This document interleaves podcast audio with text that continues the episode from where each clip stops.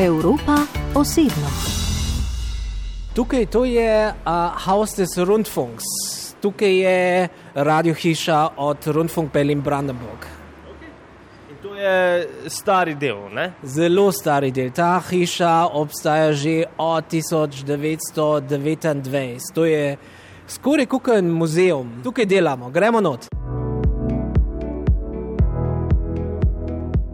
Ja, jaz sem Leon Štebe, delam tukaj pri RBB, to je Rundfunk Berlin Brandenburg in uh, sem voditelj oddaje pri Inforadio.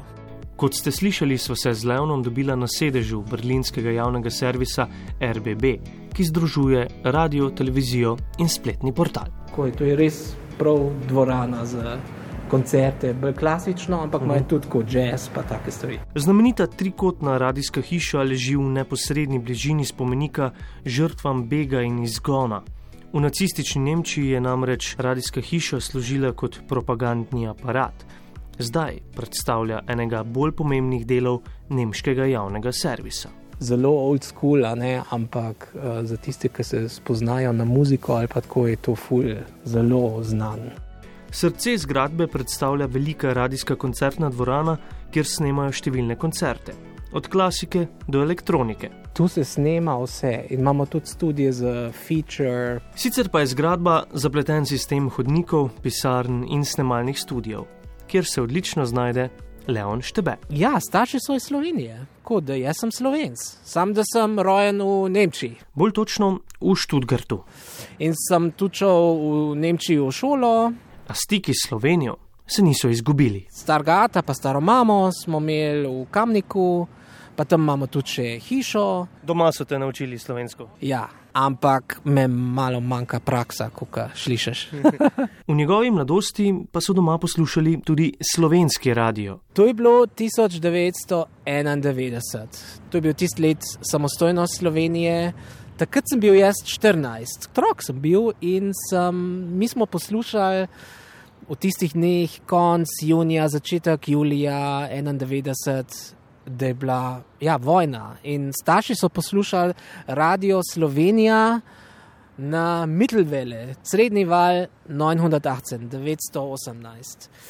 In smo poslušali v Študgard, Radio Slovenija. Jaz sem bil 14 in sem rekel, wow. Tudi je bila huda situacija, ne bila vojna, deset dni v Sloveniji in smo, nismo vedeli, kako bo šlo naprej. Pa stara, ta pa star mama, uh, smo zmeraj telefonirali, ampak zvečer smo poslušali Radio Slovenija. Res nekaj posebenega. Da jaz v kao Študgar poslušam kako je situacija v Sloveniji, takrat, ko je bila vojna. Pa sem rekel, ej, to je ne zaradi vojne, ampak tako, da je bilo to res zelo pomemben moment za mene. Sem rekel, to jaz hočem tudi delati kot radio novinar. Še posebej se spominja točno določenega živega radijskega trenutka.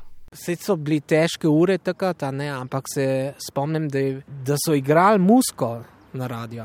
In se jaz se spomnim, da so igrali recimo Temptations, Papa was a Rolling Stone.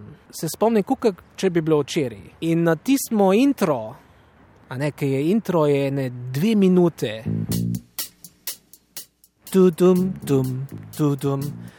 So govorili od vojne, pa kje se kaj dogaja, kje je fronta, pa tako naprej. To, to je bilo wow moment za mene. Da, ker sem bil otrok, jaz sploh nisem vse zastopil, ne, ampak sem zastopil, da je huda situacija, da je res a, težko, ampak ta situacija je res tako. Ja, globoko za mene do zdaj še se spomnim. Se spomnim, kako, da sem to poslušal, takrat, ko sem bil 14.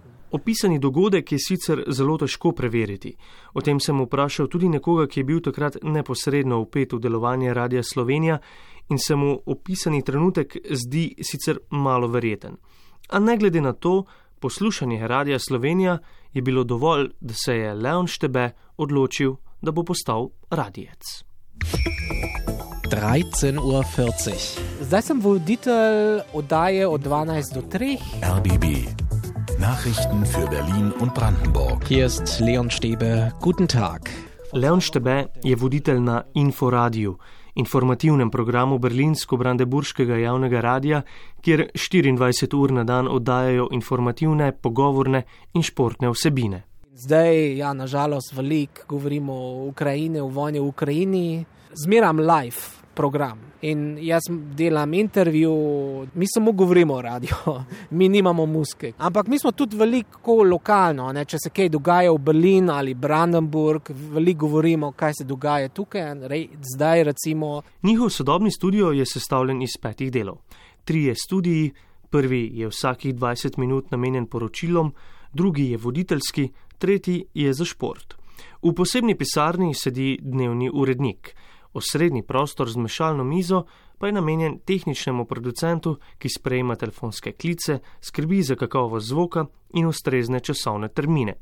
Vsi, ki govorijo v studijski mikrofon Inforadija, stojijo. Ja, mi stojimo, ker so nam pravili, da je sound bolj, da smo bolj fresh, pa mhm. tako, če stojimo, če sediš, si bolj ko, laid back. Aha in zaradi tega stojimo tri ure. Ja. RBB je del mreže nemškega javnega servisa ARD.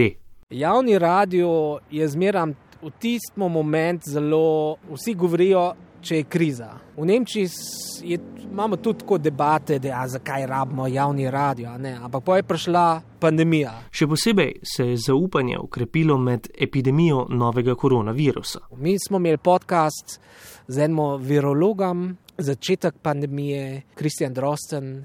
In to so poslušali po celem Nemčiji milijonov ljudi, milijonov. In on je razlagal v prvih dneh pandemije, kaj je to za en virus, kako gre to naprej, zakaj, kako, kaj nas, kaj jih pričakujemo, in tako naprej.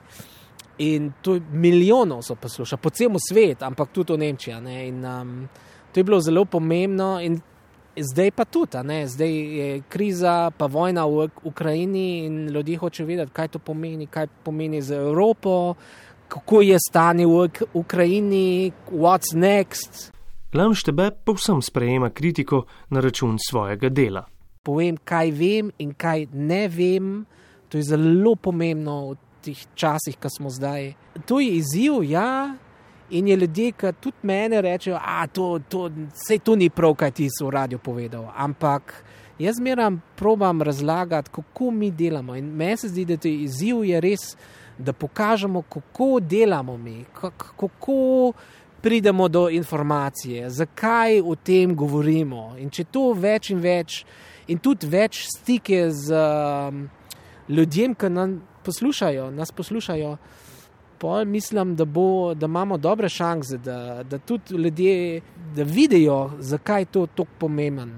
Javni radio, pa javni televizija. Če ga je v mladosti navduševalo poročanje Radia Slovenija, se zdaj navdušuje nad valom 202 živoke super, super. To sploh tukaj v, v Berlinu imamo. Sem že tukaj rekel, sem pokazal tukaj, hej, poglej živoke. In so rekli, ja, tu je live koncert v radiu, ali lahko res ko naredimo, ne vemo. Mislim, imamo studio, ampak ja, ker je to res live event. In to je tudi, meni se zdi, da je to najbolj, mi, mi v radiu moramo biti live. Mi pravimo tudi pri Inforadio, da, da smo res 24-7 live in da govorimo, in da ljudje vejo, če, če se kaj dogaja, lahko pritisnejo radio, pa da imajo live sound. Torej, živostni moment je zelo pomemben. Tako je, ja. da, da, da, da smo živo. In to je zelo pomembno. In mislim, da bo še, še, še bolj pomembno, ker imamo tudi tukaj v Nemčiji veliko konkurenco zaradi podcasta podcasting je zelo velika stvar, da zdaj v, um, v Nemčiji in live radio, živo, radio živo, to ni podcasting.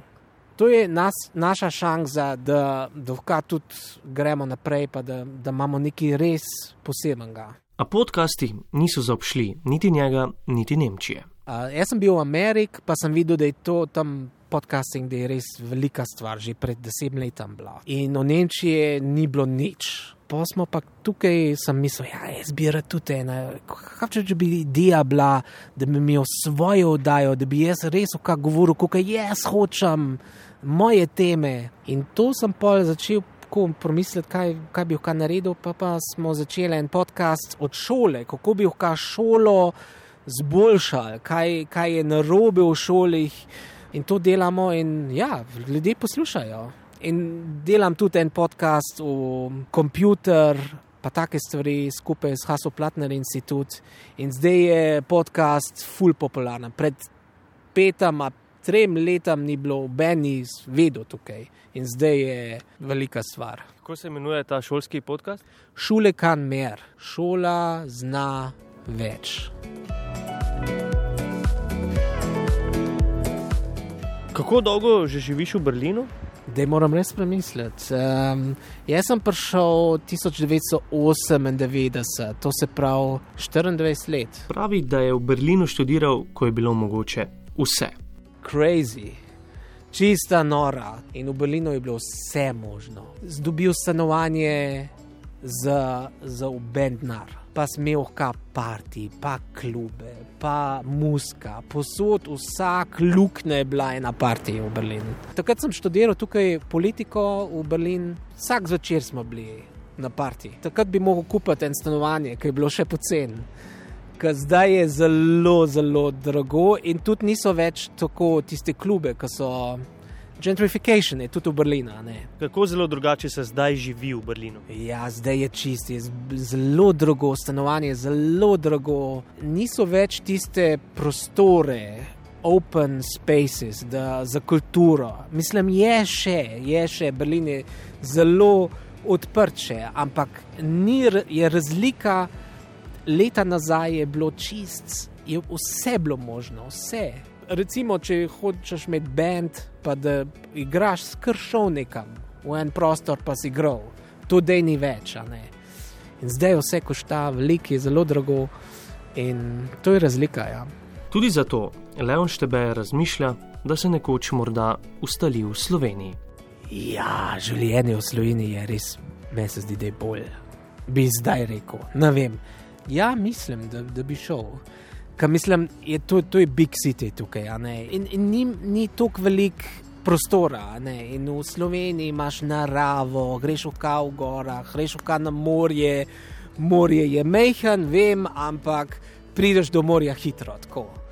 In to, ni, to v Berlinu ni. Zelo zanima moje korenine in da bi, da bi več zvedel od Slovenije. In me res, ja, mislim, mislim da bi na moje stare leta, če, če, če se tako počutim, da bi šel za Slovenijo. Ja. Ti mogoče zanimalo delo na Radio SE International. Super, super. Če me kot dosliš pri Radio SE, jaz bi probo biti. Michael Menski po nemško, ampak ne vem, on je, on je legenda. Ampak se vem, da imajo tudi zelo dobre nemške hosts pri Radio Slovenija. Ampak če me dosliš in če do kakšen rab, jaz rečem, halo, das ist Radio Slowenien International, die Nachrichten. Hvala. Hvala.